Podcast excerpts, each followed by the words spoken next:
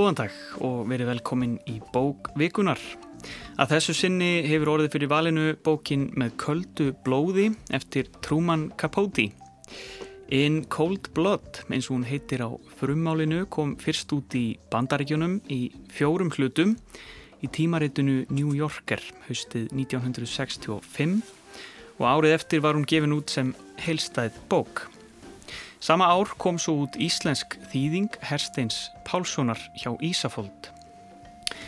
Að sögn höfundar var um að ræða skáldsögu um sanna atbyrði, eða non-fiction novel. Hún segir frá hryllilegum atbyrði í Holcomb í sveita héruðum Kansas fylgis. Þegar tveir menn réðust inn á heimili fjöguramanna fjölskyldu árið 1959, rændu þau og myrtu með köldu blóði. Capote fekk áhuga á málinu eftir að hafa lesið litla klausu um það í New York Times. Hann fór ragleiðis til Kansas á samt æsku vinkonu sinni og kollega af rittvellinum Harper Lee til þess að kynna sér málið betur. Sagan vatt rækilega upp á sig. Capote varði tölvörum tíma í Kansas og tók ítaleg viðtöl við fólk tengt málinu þar á meðal glæpamennina sjálfa. Efni bókarinnar vekur skiljanlega mikinn hrylling en einnig spurningar um mörg staðrindamiðlunar og skáldsagna skrifa. Capote var einstaklega fær stílisti og bókin er listilega vel byggð upp. Frásögnin er meitluð, flakkar milli sjónarhortna, fórnalampa og glæbamanna og íbúa hólkom og dregur upp mikla og víða frásögn af voðaverki og afleiðingum þess. Uppvakna spurningar um ábyrð höfundar sem ljáir jamt fórnalömpum sem gerendum rött gerir þau öll svo óþægilega mennsk að eftirstanda stórar siðferðilegar spurningar þá kannski stærstar um gildi döðarefsinga í réttarkerfinu. Við byrjum þessa umfjöllun á að heyra brot úr upphafi bókarinnar þegar kyrðin í litla smábænum er rofin með óhugnaði. Holcomb Thorp stendur á hinnum háu kveitisléttum vestur Kansas, afskektum stað sem aðrir Kansasbúar kalla þar út frá. Þetta hérað er um 110 km austan við fylgismörk Colorado og hinn harði blái heiminn þess og eigðimerkur tært loft eru með slíkum blæ að það virðist frekar tilheyra hinnum istu vesturíkjum en miðvesturíkjunum. Málblær íbúana er blandin nefljóði sléttubúans eða kúrekans og margir mannana klæðast þröngum útkjálkabuksum, stetsonhöttum og háhæluðum támjóum stígvilum. Landið er flatt og sjónringurinn ægi víður. Stóð, nautahjarðir, kvítar, kvirfingar, kornturna sem gnæfa einn stígulegir og grísk musteri eru sínileg löngu áður en ferðamadurinn kemur að þeim. Niðri við hjálpbreytastöðuna ríkir postmeistarin. Hóruð kona sem klæðist skinnjakka, verkamannabugsum og kúrekastígulum yfir hörnandi posthúsi. Jábrautastöðin sjálf með flagnandi brennisteins litri málingu er jafn ömurleg. Hinnar frægu hraðlestir Chief, Super Chief og El Capitan fara hjá á hverjum degi en nema aldrei staðar. Það gerir engin farþegalest, aðeins stöku sinnum varningslest. Við þjóðvegin eru tvær bensínsölustöðvar og önnur er jafnframt lélega byrgð nýlendu vöru verslun. En hinn þjónar einni sem kaffuhús, Hartmanns Café, þar sem frú Hartmann, eigandin, selur samlokur, kaffi, góstrykki og 3,2% bjór. Holcomb er þurr eins og Kansas fylgi allt. Fáir bandaríkjaman, jafnvel fáir Kansasbúar, hafðu nokkru sinni heyrt getið um Holcomb þar til morguneitt um miðjan november 1959. Stórtíðindi í mynd óvenjulegra atburða hafðu aldrei haft þar viðkomu. Frekar en vatnið í fljótinu ökumenn á þjóðveginum eða gulu lestirnar sem þutu eftir Santa Fe-brautinni. Þorpsbúar 270 talsins sættu sig við að þetta gengi þannig til, voru alveg ánaðir með að lifa óskup vennjulegu lífi, vinna og veiða, horfa á sjómvarp og sækja skólasamkomur, æfa kórsöng og fara á fundi í fjögur háklúpnum. En svo var það eldsnemma þennan novembermorgun, sunnundagsmorgun, að viss framandleg hljóð bættust við venjuleg næturhljóð í holkom.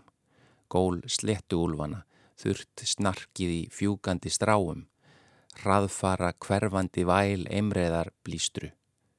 En engin sála í holkom sem var í fasta svefni heyrði þau fjögur haglabissu skot sem urðu alls sex manns að bana.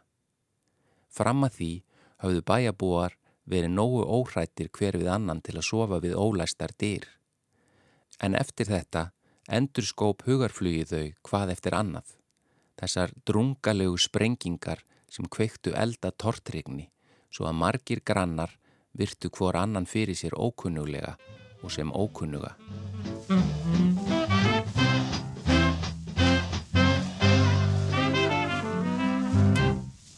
Það var Gunnar Hansson sem las brot úr bókinni Með köldu blóði sem er bókvikunar hér á rás 1. Hjá mér eru góðir gestir, það eru þau Silja Bára Ómarsdóttir, stjórnmálafræðingur og Ágúst Borþór Sverrisson, bladamæður. Verið velkomin. Takk. Uh, við ætlum að ræða klassíst verk, gamla bók uh, sem á rætur sínar að reykja í djúft svolítið í bandaríska menningu en Mér langar svolítið að heyra ykkar kannski fyrstu kynni af þessari bók. Silja, ég veit að þú ást að lesa hann í fyrsta skipti, en kannski fínt að byrja, byrja þar. Hva, hvernig, já, hver eru þín fyrstu kynni af þessum texta? Já, ég las hana núna bara í, í februar og hérna kláraði bara rétt fyrir upptöku eða um, og ég held að ég hafi ekkert lesið eftir kapóti nema kannski einhverja svona stittri texta áður. Mm. en þetta er svona eitthvað sem að maður veit samt af. Þú veist, hefur heyrt um þessa bók og, og svona kannski kannast við myndina, sá myndina um Kapóti einhver tíma líka og svona. Mm. að hérna þetta er uh, eins og þessi engangur sko sem að uh, hérna ég fekk svona smá bara bandaríkja heimþrá. Uh, hérna, ég bjóð í bandaríkjunum sko, alveg þanga til að hérna loka sennan loka orðin, en hérna ég ætla að bjóða í bandaríkjunum í rúman áratug og það eru þessar, þessi litlu bæir ég, ég, ég reyna ég var eftir að fara til Kansas, það er eitt af verðfáum ríkjum sem ég ekki heimsótt mm. en hérna þessar litlu kaffestofur og þjóðvegunum þar sem að þjónustu fólki tillir sér hjá manni og, og allir spjalla við alla og, og, og það vita allir að þú ert ókunni og þú stoppar mm. að, hérna, að það er einhver svona einhver hlýja og einhver virðing sem að var í gagvart smábænum að hérna í, í tekstanum og kannski sérstaklega uh, einn af fórnarlömbunum að hérna hann var svona áhugaveru karakter út frá því að þannig að búið þessum pínu pínu litla bæ og, og þá hann eftir nógu peninga vildi ekki borga fyrir börnin láta þau fara í stærri skóla svona virðing fyrir nærsveitinni og, og samfélaginu sem að fólk tilherði mm. þannig að það verið sér hlýja og síðan eru þetta þessi þessi ógislegu morð mm. Sem að einhvern veginn eru óbúslegir áreikstrar í bókinni sko. Þetta eru tveir mjög ólíki heimar. Já, já, og síðan auðvitað þessir ungu menn sem að, að hérna, fremja glæpina og, mm. og, og aðrir sem glæpamenn sem að þeir eru, þeir eru komnir já. inn í fangilsi svona þú veist að þessi siðblinda og, og hérna, eða, já, ég get ekki ímyndum að þetta sé annað Nei, að hérna að uh, já, það, þetta, þetta gefur manni einhvern veginn bæði, segi, bæði svona óbúslega þægileg tilfinning víða í bókinni mm. og svo svona virkilega óþægilegt ja. hérna tóast mjög mikið á Var hún það sem að þú bjóst við einhvern veginn að þú, þú segist hafa svona vitað af bókinni og séð mynd um hana og svona eh, kom, kom eitthvað á óvart eða svona Já, sko eiginlega eina þar hérna mjög eh, svona kannski skrítin tenging eða eina bóki sem ég mann eftir að hafa fengið svona svipa það er hérna Dagur í lífi Ívans Denísovits mm. sem er svona ömurlegar aðstæður en samt einhver svona neisti einhver, einhver hérna eitthvað sem maður vill tengjast no. þó að allar aðstæður veru síður hræðilegar að hérna en já þannig að hún var kannski Ég veit ekki, ég held ég hafi bara hreinlega ekki haft mikla væntingar, þetta var svolítið, svolítið langt sinni ég hef séð sámyndir um kapóti og ég man ekki hvort ég hef séð bíómyndina en já, þannig að þetta er hérna Pínt að koma svona alveg já, bara já, þannig ég kom svolítið bara svona eh, já, hún var svolítið úskrifað blað fyrir mér sko. Já. Ágúst, þú þekkir þessa bók bara og, og búin að gera það talsveit lengi þekkir hún bara Já, spjátt á milli ég eða? kynntist henni aftur, það er mjög langt síðan ég las hana fisk og þess vegna er þetta svona, ég stöndur þetta mér svolítið nála hjarta sko að, að, að fjallum hana því að, að því að við erum kannski svona fólk sem bækur hafa mikil áhrif á, þú veist, fólk fær að lesa eitthvað á unga aldri og verður þess svona kannski rituvundar eða fjallar um bókmyndir eða eitthvað svo leiðis. En það er svo langt síðan ég las þessa bóka að það var áður en ég fekk eitthvað, eitthvað sem kalla maður bókmynda áhuga og ég les hana einhver staðar á bylunni 11-13 ára þegar ég er á þeim aldrei að mér langar mest að, að sjá glæpamyndir og hasar mm. mér langar til að komast í bíó og, og eina bannaðarmyndir það voru bíó út um alla miðborg hérna þegar ég var alast upp. Það var enga leikjatölfur heldur og, og það var svona ekkit mikið að spennandi efni sjónvarpinu. Og ég man það að ég las hana í einhverjum slíkum leiðundum sko, þú veist, áttu ekki peninga í bíó eða eitthvað og þarna var þessi bók upp í hillu og sami titill hafi verið í bíóauðlýsingunum það sem voru svona augnmyndir af morðingjónum með köldu blóði. Mjög svona skuggalegt sko og svo man, man ég að ég las bókina sko og svo las ég hana aftur um daginn ég fann hana ekki í bókakosti móðu minnar þannig ég fór á bókasafnir og ég man að hún með þetta hún var rauð sko. Og ég náttúrulega upplifan upp á nýtt og skil hana dýpur í skilningi en, en það var margt sem reyfiðast upp sem hafiði vakið aðtegli mína. Ég fekk ekki alveg ég, ekki, ég hafði ekki fengið þessa spennu upplifun sem ég vildi sko en ég hafði svona kynst eins og öðru sko. Mér, það sló mig til dæmis að, að þetta skildi vera samfélag það sem fólk læst ekki húsónu sínum. Mm. af því að þó að ég byggi sjálfur á mjög friðsælum stað sem var selt hérna neðs í kringum 1970 að þá var fólk samt að læsa og það voru stundum innbrott einhver staðar sko. Og, og það sló mig þegar ég var ungur og alls konar aðrir hlutir íttu við mér eins og að, að eins og það að þetta var ekki þessi spenna, þetta var svo ójafn leikur, þetta er bara fólki slátrað sko mm. og líka að, að það er svona dregin upp mannsmynd af þessum morðingjum sko og, og ég, ég, þegar ég var lítið þá var ég líka hugsa um svona hlut eins og það var verið að spá svolítið í greindavísutölu, ég veit ekki að hverju, mm. hvort ég hef verið að spá í það, hvort ég verið sjálfur gáðaður eða heimskur, ég manna það ekki en það var hvort skassu há greindavísutala væri á þeim og og líka kannski óæskilegi hlutir eins og, eins og kynnkvöt annars þeirra sem laðast að börnum sko, mm. það var eitthvað svona ógeð felt en vakti aðtegli mína sko mm. og ímislegt fleira og svo því ég lesa hana aftur núna þá veist mér sláandi þessa anstæður á milli manna sko, hvernig Herb Klötter heimilisfæðirinn er svona alveg ofur agaður maður, hann drekkur ekki einu svona kaffi sko mm. og, og Silja Bára talaði um að hann hefði ekki viljað senda börnin sín í fína skóla og en þessi menn hérna eru alveg stjórnlausir sko og, mm. og, og, og það er líka bara sko hvað hvað glæpir geta verið alveg ótrúlega tilgangslausir sko. Mm. þeir, þeir hafa ekkit upp úr krafsuna þetta þeir, það, þeir átta sig á því þeir eru komnir að, að þetta hafði engan grundvöld það er engi peningar aðna þeir myrða fólkið sko. Mm.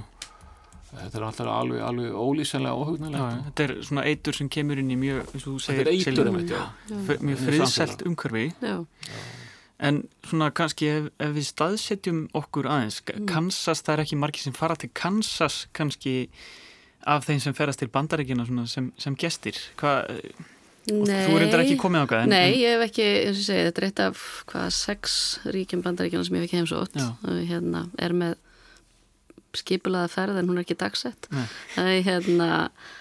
Uh, reyndar eru mjög margir Íslendingar sem stundar það er sem kent flugvirkjun aðna í, Kansas. Og það eru margir sem að fara í það nám sem að hafa verið þannig að það er tölverður fjöldi Íslendingar sem er farið og, og það var nú flóið beint til Kansas eitthvað strumarið hérna. Uh, hérna nei en þetta er náttúrulega hluta af þessum slétturíkjum og, og hérna þess að segja lýsingin þarna á þú veist þröngaböksunar og, og, og kurrikastegvelin og hreimurinn, ég heyri þetta alveg fyrir mér og hefur verið tölvert í, í Colorado þar sem að klettarnir mætast klettafjallir mætast léttun í raun og veru og mm. maður sér þarna þessa uh, veist, sér endalust sko mm. og horfir þarna yfir uh, hérna og uh, svona já þessi, þessar fjarlæðir líka sem að, að lauruglumadurinn sem að er svona leysir málið kannski að hérna að þegar hann ætlaði, langa, hann átti jörð þannig fyrir utan bæin og langaði að byggja sér hús þar mm og, og hættir við vegna þess að fjölskylda var ekki tilbúin til að búa svona fjarrri en þú veist þetta eru þessar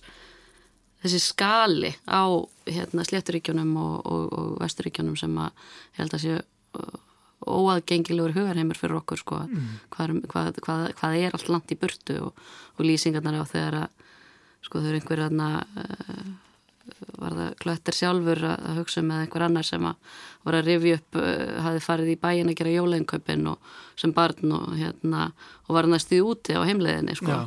Og hérna og þetta eru, já, þetta eru hérna svona, þetta er ekkert auðveld lífskilir því, þú veist, það er ekkert skjól þeir staðar og hérna og svona lítil, litli potlar svona af samfélögum, það sem er einmitt eins og Ágúst kom inn á, það er ekki mikið verið að læsa hörðum og, og svona eh, allavega eins og, eins og Capote lýsir ástandunum 59 þarna var einhvern veginn eins og ekkert væri að gera tíðindalöst já, og bara gerist. þetta sko þetta var eh, þessi frasi sem segir stöðvaði ekki sko fyrir eitthvað vatnið í fljótinu og, og bílarnir og hraðbrötinu þetta er bara staður sem allir fari í gegnum.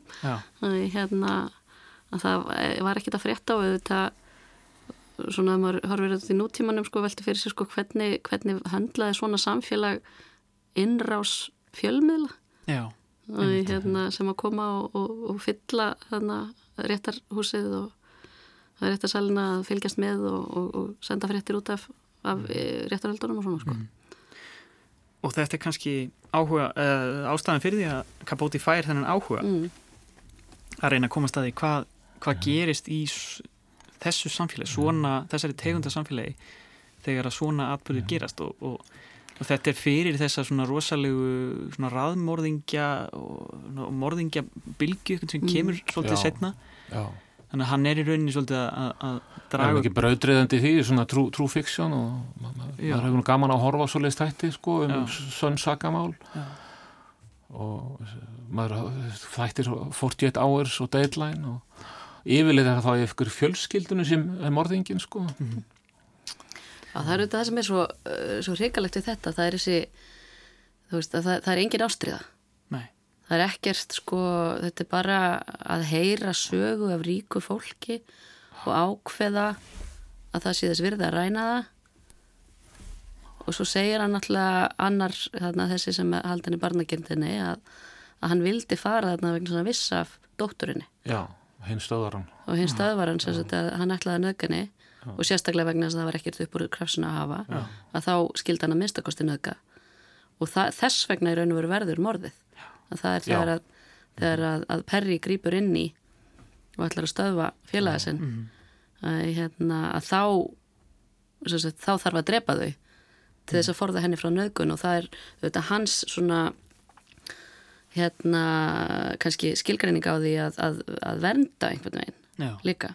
Það er mjög áhugavert rótrúlega svona skrítin hérna, skrítin samskipti og það er svo mótsatankjönd en hann er eiginlega fengin sko Perri er eiginlega fengin með í þetta sem mm. ég bara til að hjálpa eiginlega. Já, svona, hann, hinn er eiginlega svolítið heilin færi, færi þetta hérna, vísbendingu hérna, frá samfanga og Akkurat. ætlar í þetta verkefni en þarf eitthvað svona hann þarf bandamann sko, aðstofamann algjörlega, það, mm -hmm. það getur ekki einn maður yfirbúa fjóra. Nei, ummitt mm.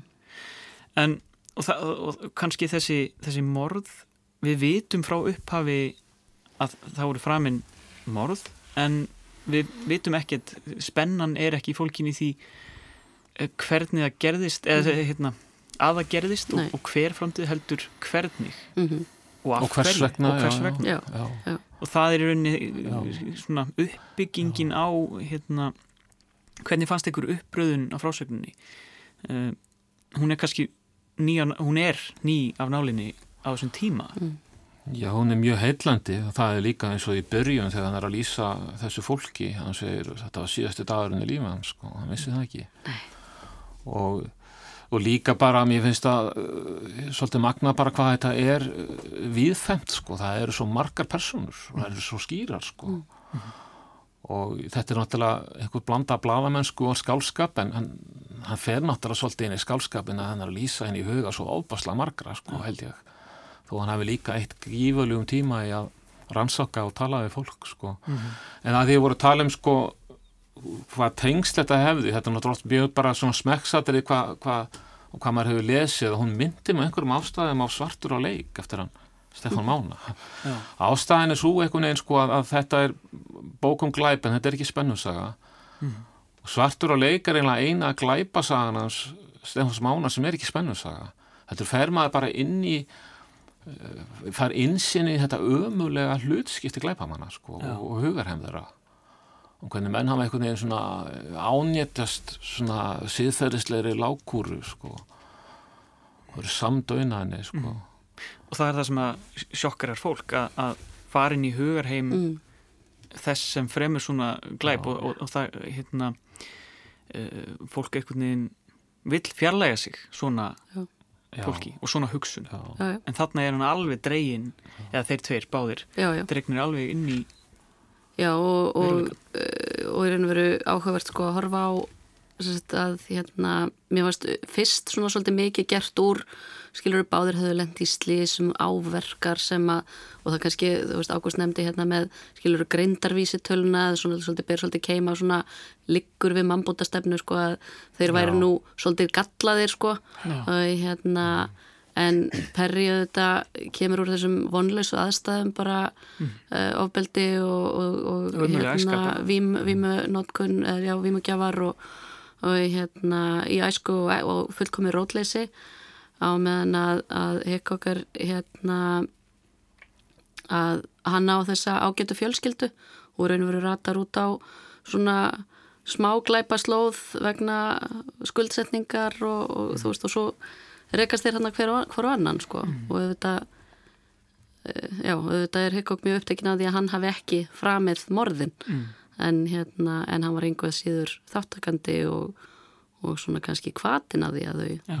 áttur í stað Akkurát uh, Ég held að við ættum kannski að heyra smá brot úr viðtalið við Björn Þór Viljámsson hérna í Viðsjá og heyra hvað hann talar um í sambandi við gerenduna og, og þetta sem gerir þá mennska.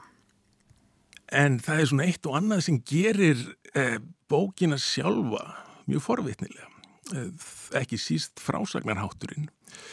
Vegna þess að, að það sem Gapóti gerir er að hann byggir bókinu upp þannig að kaplæðin og viksl segja frá síðasta deginum í lífi þessara fjölskyldu og, og fer þá á milli svona fjölskyldu meðlema en víkur einmitt líka alltaf að glæpamönnum sjálfum, gerendunum og segir þeirra sögum. Og þannig vindur bókinni fram. Þegar að glæpurinn hefur verið framinn heldur sagt, sagan áfram og þá er það sjónarhórið uh, glæpamannana sem er líst það heldur áfram en, en svissaðir yfir á sagt, uh, lögregluna líka og, og er þar maður sem heiti Dewey í aðalhutur ekki, hann leittir rannsóknina og sem sagt eh, Capote lýsir í raun því sem gerðist í lífi þessara tvekja glæbamanna frá því að glæburinn er framin og þanga til eh, þeirra handteknir og síðan meðan á fangilsisvist þeirra stendur réttarhöldunum og byðin eftir að döðadónum sé framfyllt sem tekur mörg ár og það er ekki síst þetta með sagt, að, að frásögnin dvelji svona mikið með glæbamönnum sem gerir bókina forveitnilega vegna þess að já, ég er ekki vissum að það hafi kannski sérst áður í, í sagt, verkum af þessu tægi sem segja frá sönnum sakamálum að gerendunum, glæbamönnum sé veitt þessi svona samúð í vissum skilningi, sympatíja sem enginnir eh, lýsingu Gapóti á, á, á þeirra bakgrunni, lífi, uh, hugsunum og svona tilfinningalífi. Gapóti kynnist mannunum vel, uh, hann ræðir við þá reglulega þessi ár sem þeir eru að býða eftir að, að döðarefsingunni sé framfyllt og þegar bókinn kemur út þá held ég að sé ekki síst sko slagkrafturinn sem fylgir því að, að, að vera að lesandin verður svo náinn þessum mönnum sem frömdu glæp sem er af því tæginu að hann er ílskiljanlegur hann var svo miskunalus og blóður og rillilegur en Capote dregur fram sem sagt hefur svona mannlega í þessum tveimur mönnum, Dick og Perry heita þeir og meinar þannig lesandanum um kannski svona sitt fyrsta viðbræð sem er að fjarlæga sig frá gerandunum, skrimslavæðið aðskilja það frá sjálfum sér og öllu sem gerir þá líka manni sjálfum. Þetta kemur Björn Þór inn á svolítið mikilvægt uh, hugtak í mannlegu samfélagi, það er samúð og samkend er, uh, mér langar bara forvitin að heyra ykkar viðbröð, er hafið þið og hafið þið einhverja samúð með þessum tveimur mönnum? Já, ég held að sko, eins og ég var að nefna á þetta með hvernig er svolítið gert úr þú veist að þeir lendi slísum að hérna að Perri var svona halvlimlegstur eftir, eftir mótorhjólaslis og, og maður svona finnur til með að þetta hafi ekki verið það sem þið vildu að, að Dick, hérna, Hickok, hann vildi vildi fara í skóla en það voru ekki peningar til þess að sækja e, frekari mentun, hefði viljað vera öðruvís en hann er, þú veist, þannig maður svona já, maður tengir alveg við við þetta en síðan auðvitað er þannig að uh, alls konar önnur atveg sem að, að mann er halv frilli við en, en nákvæmlega þetta þessi punktu sko að þeir eru ekki skrimslavættir þeir eru, það er sínt svona eiginlega hvernig ég kannski ekki hver sem er en, en hvernig margir gætu orðið glæpamenn, mm. gætu fram í glæpi að þess að kannski hérna, trúa því upp á sjálfa sig sko. Já. og hérna þeir voru ekkert þeir voru ekki raðmórðingjar sko. Nei. og einmitt eins og Björn segir að, að svona já, meina lesandanum um að, að sitt fyrsta viðbrað sem væri þá væntilega að já, bara fá hroll yfir já, þessu öllu saman og, og fjarlæga sér frá því. Er Jú, það er áhugavert að þeir eru ekki skrimslavættur og maður kynnist þeim og það er samkend en mér finnst samt vera mikil ílska þarna, sko. Þannig að maður þarf, mm. að, maður þarf að sitja til borðs með ílskunni eða hvernig mm. ég geti orðað það sko að og, og þá í rauninni fær maður dýbri skilning á einn, hún er ekki ílskan er ekki eitthvað skrýmsli sem maður getur bara að loka þá mm. en hún er ímanni sjálfum og, og, og öðrum og þarna er, svona, er líst svona hvernig hún getur þróa sko og það er líka, jú þeir eru ekki ráðmórðingja en það er samt þetta skeitingaleysi mm. þeir er ætla að drepa ja. vegfaranda sem tekur það upp og það bara uppi og það er eins og sér, sér alveg til í það og mm. skeitu ekki neitt og það vantar líka upp á yðrun ja og mig myndi þeim þetta að maður hefði meiri samúð með en, mm. en ég reyndist hafa því lasan aftur, mm. ég veit ekki hvers en, en, en þetta er mjög djúft sko samt og, og þeir íhuga náttúrulega báðir að sko hvorum sig að dreipa hinn já. og hérna já. Eða svona losa sig já. við sko Perri held ég að gangi lengra í eða sérst, já, að hérna hefði átt að drepa hann, hefði átt að losa mig við hann mm. drepa hann Þeir eru tilbúinari að drepa já. þar á hreinu og lítillir ástæðu en já. mér finnst Perri allan tíman vera sympatískari sko, þó að hann hafi verið líklega að drepið fólkið sko. Já, og sagan eru þetta Hann hefði hafi eitthvað meiri samvinsku samt sko. Uh, hérna, og það er sem að ég velti fyrir mér sko, þetta, lesmaður þetta í, í nútíma samhengja þess að hafandi ekki lesið bókin áður þá mm.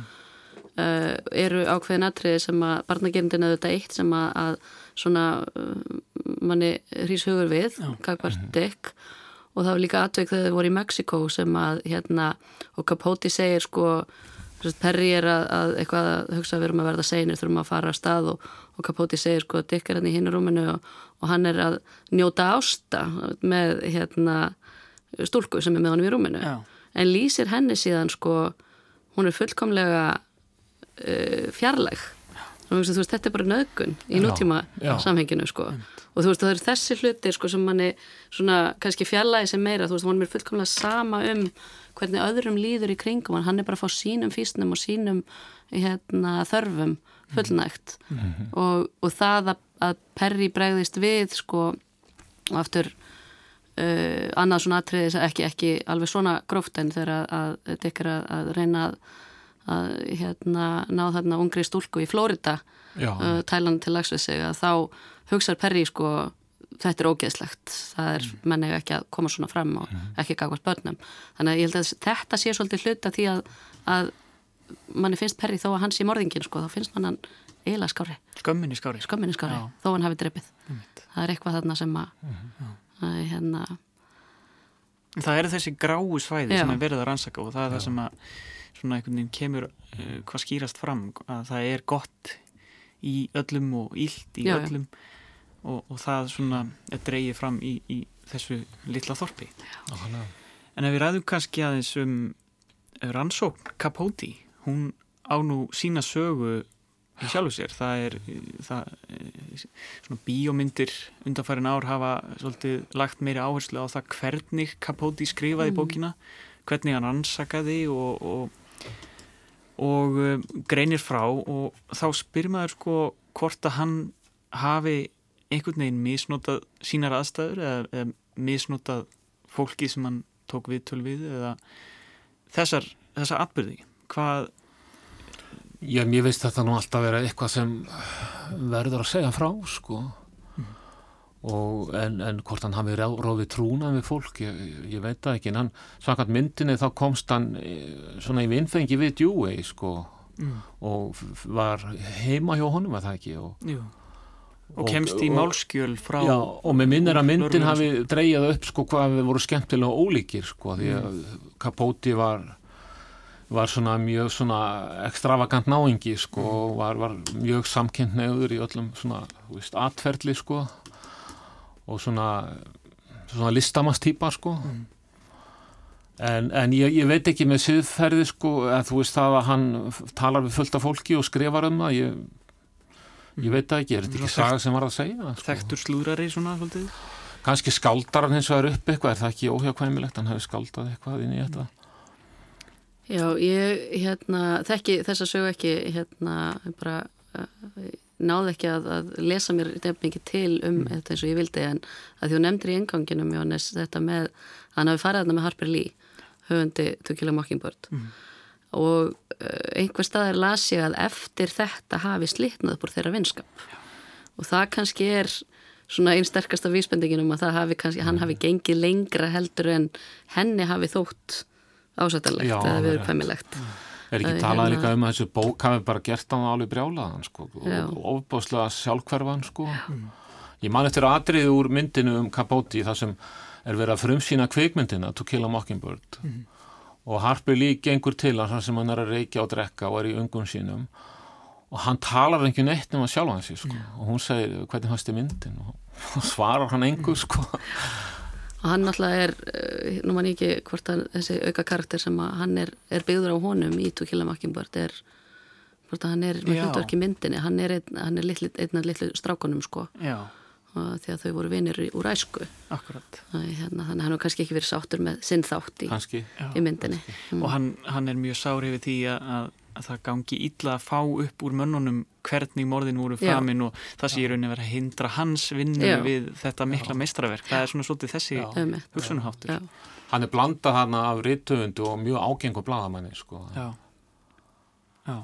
En hvert, hvert er hans hlutverk í frásögninni? Að því að maður fær svo mörg sjónarhort maður fær hérna ég og hann og hún og alveg hægri vinstri En það er engin svona ákveðin sögumæður sem að þetta er al... Þetta er algjört al, alvitur Alvitur sögumæður sérinn í huga allra skoðið og ég veldi fyrir mig sko það voru hérna áhugaverð sena þegar að vera að opna réttarhaldin og lögmaður uh, þegar sakbortningarna segir þeim að setjast niður og skrifa æfi ágrip mm. og, og það er síðan byrt í bókinni. Mm. og hvernig sko Perry fer einhvern veginn og, og, og réttlætir sig og maður hugsa, þú veist, er þetta er hann með þessi gang? Mm -hmm. Þú veist, er þetta því að stílinn gjör breytist og Já, hérna, þunglamalegur og þú veist, erfitt að lesa þess sko, að annarkvort er þetta mjög stílfært eða, eða hafðan þetta, þú veist, er, var, var þetta í raun og veru svona að þeir sátu þarna og, og pöðuðu við að, að skrifa æfi ágrip sín -hmm. hérna, á meðan að það var verið opnið við réttarhöldin sem að endur með að, að fellið um döðatóm mm. hérna, Hafið þið heyrt um eitthvað eitthvað sér rámt í bókinni eða fælt í stílinn á honum? Það hafa verið skrifar einhverjar greinar um það að, að þetta skáldaðan eitthvað og, og, og það er erfitt að koma með beinar tilvitnanir í, í hérna, fólk sem þekkir ekki vel en, já, já. en hann tala mikið um minnið og ég menna minni er náttúrulega líkilatriði í uh, fyrir, sagt, fyrir rétti mm. og en það er alveg að breyðult eins og hvaðna þannig að við Já. erum í rauninni með minni einsmanns Mhm. af minni annara Já, þetta er, nákvæmlega, þetta, er nákvæmlega. algjör, þetta verður eiginlega að vera skaldskapur að skólast til að verða skálskapur já. Mér varst áhugavert í loka hlutunum það sem mér finnst það svolítið svona framsæki það sem hann er að velta upp kenningum um, um að glæpamenn þó þessi dæmdi sakhæfur geti verið ós, ekki sjálfur að gera það sinna það er eitthvað sem hefur heyrt um meira á setni árum Já. um rannsóknir á, á heilanum og svoleiðið sko. Var- Já, og með þessi tvö mótel og hvernig lögmenninir reyndu að, að segja að ef þú vissir að þetta væri Já. þá ertu alveg sama í hvaða ástandið þú varst Já. þá ertu sakhæfur Þú vissir þetta var rámt hérna, já, vissir, vissir Já, og værir að, að, að hérna að fremja brot Mhm.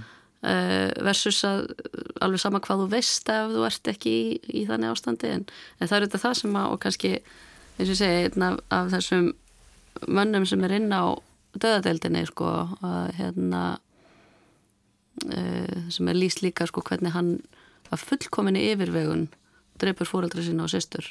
Já, uh, gefur síðan hundinum að borða áður en hann ringir á löguna Já. að hérna er hægt að sko, já, þú veist að, og þar er hann svona með þessar vangaveltur um, um sakhæfi og, og siðblindu og svona kannski að þess að vera orða það eitthvað sérstaklega. En þá langar mér svolítið bara að að svona, það fer að síga á setni hlutan hjá okkur á tíma um, að ræða undir lokin þetta að, að reyna að setja sig í spór um, já, ílskunar og, og svona íl, ílgjörða manna. Um, í dag er rosaleg bylgja af svona sannglæpa sögum, Einmitt. bæði í sjónvarpinu, útvarpinu uh, bækur. Hlaðvörp alveg alveg. Já, og maður spyr sig hvað er það, er þetta, er þetta einhver svona, eitthvað sem við bara sækjum í óhjákvæmilega eða vi- viljum við bara kynnast okkur sem, sem tegund betur eða Já, þetta er alveg góð spurning, ég, hérna, ég hef ekki haft geðið mér til dæmis til að horfa á seríunum um Ted Bundy. Mhm. og ég, hérna uh, er eins og er að horfa á eina sem heitir Dirty John sem er um Karlmann sem að misnota sér. Uh, já, þess að þetta er, er uh, hvað kallar þetta, það er eina fjöfletta konur og því að kvænast þeim. En hérna, þetta er óbúslega mikið og þetta er bá, bá þessar seríur alltaf byggðar á raunverulegum karakterum og, og einhverju leiti sko eins og til dæmis að Ted Bundy gerður að líka við kyntákni sko. Að hérna gera fólk svolítið svona spennt fyrir þessu. Frekar heldur en að, að uh, setja þetta fram sem gaggrinni eða ígrundun eða eitthvað þess og þar og ég velt fyrir mér hversu mikið af þessu er sko svona gluggagæja þörf að vita hvað fer fram annar staðar. Og kannski er eitthvað af þessu líka bara að við lifum í tiltöla mikilli velmegun. Að við þurfum að sjá eitthvað svona sem að er svolítið suppulegt einhver staðar. Svona veg upp á móti. Já, já, ég veit það ekki. Já. en þetta er alveg rosalega mikið sko. Þetta er mjög mikið um þetta og Já. ég hef horfið á af þessu. Ég, hann allt, allt, kannski öðru tægi þá horfið ég á, á hérna Making a Murderer seríuna sko og sem er svolítið svona áráðus heimildamind sko Já. fyrir sakleysi manns sem ég reynda að dreig mjög í efa. Þá fór ég fekk ég þannig áhuga ég fór að sjá fullt af viðtölum á YouTube og greinum það sem var gaggrind það sem hafi komið fram í myndinni sko. Og ég, það er einmitt svona gott dæmi um mynd sem virkar eins og hlutlaus heimildamind en er síðan bara alveg rosalega mikið á, á einni línu sko. En það er, það mætti alveg sjóða niður svona bóðskap þessara bókar sem gaggrinni á döðrafsingu og, og svona þessi, þessi einhliða eh, svona refsi kerfi sko. Já, ég minna að það eru þetta það tekið fram sko að það hafi verið leitað að hérna góðum lögmönnum fyrir þá að hérna einhverjir sem að væru til í að taka slægin og, og fara með áfríðunar áfríðamáluna þeirra eins lengi og hægt var.